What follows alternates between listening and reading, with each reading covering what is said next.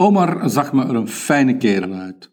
Hij had een rasta-kapsel, inclusief een indrukwekkende zwarte baard en snor die dreigde in elkaar over te lopen, waren het niet dat wanneer Omar lachte, een rij blikkerende witte tanden de grens aangaven tussen daar waar de snor eindigde en de baard begon.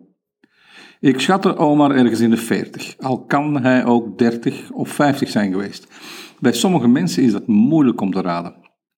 Ik zou een blabberde getuige zijn, overigens moest ik ooit een overval meemaken en bij zo'n robotfototekenaar terechtkomen. En uh, hoe zag de verdachte eruit, meneer Grootaars?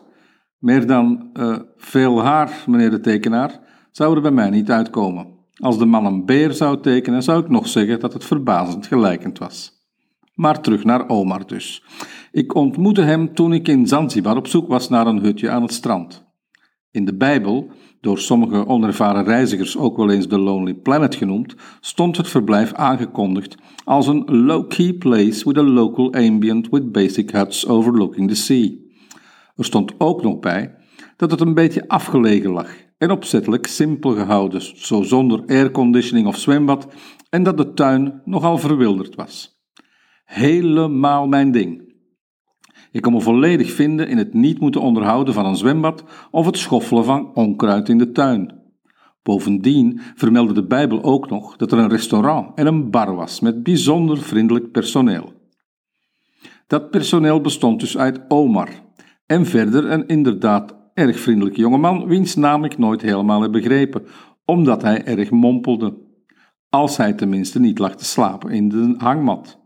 Dat kwam omdat hij de neiging had om nogal vaak aan een enorme toeter marihuana te lurken. Soms verving hij de joint door een alcoholische versnapering, bij voorkeur rum, want ook in Zanzibar geldt het adagium dat je op één been niet kan staan. Beide genotsmiddelen misten hun uitwerking niet en dus lag onze jonge vriend de helft van de tijd in de armen van Morpheus.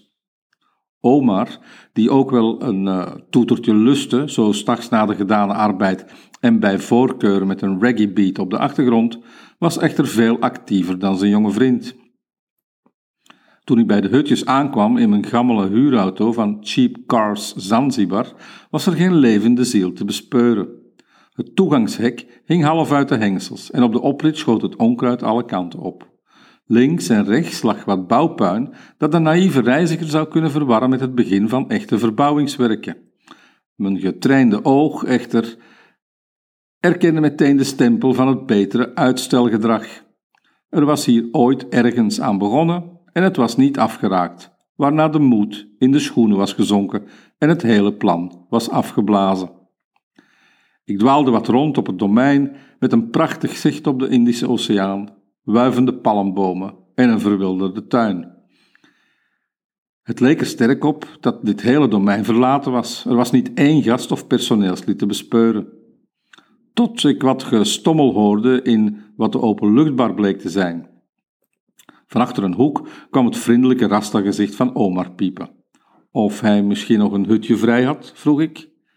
Dat moet ik even checken, want het is erg druk, loog hij lachend, want er was verder werkelijk geen levende ziel te bekennen.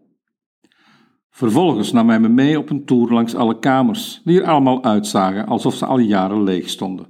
De verf bladderde van de muren, de kraan in de badkamer lekte, de betonnen douche moest het zonder doucheslang doen en het muskietennet boven het bed vertoonde gaten zo groot dat er gemakkelijk een volwassen vleermuis door kon vliegen. Er is een beetje werk aan de kamers, maar de baas heeft het geld niet om te investeren door COVID, kloeg Omar. Maar, maar, het ontbijt is inbegrepen, voegde hij er snel aan toe. Elke dag verse mango en ananas. En koffie. Prima, prima, prima, ik neem de kamer, riep ik enthousiast tegen een verbijsterend kijkende Omar, die duidelijk zijn oren niet kon geloven. Ja man, riep hij blij. Hij moet gedacht hebben dat het de koffie was die me over de streep had getrokken. Dat was omdat hij als geboren Zanzibari niet meer zag hoe prachtig het uitzicht vanuit het gammele bed wel was.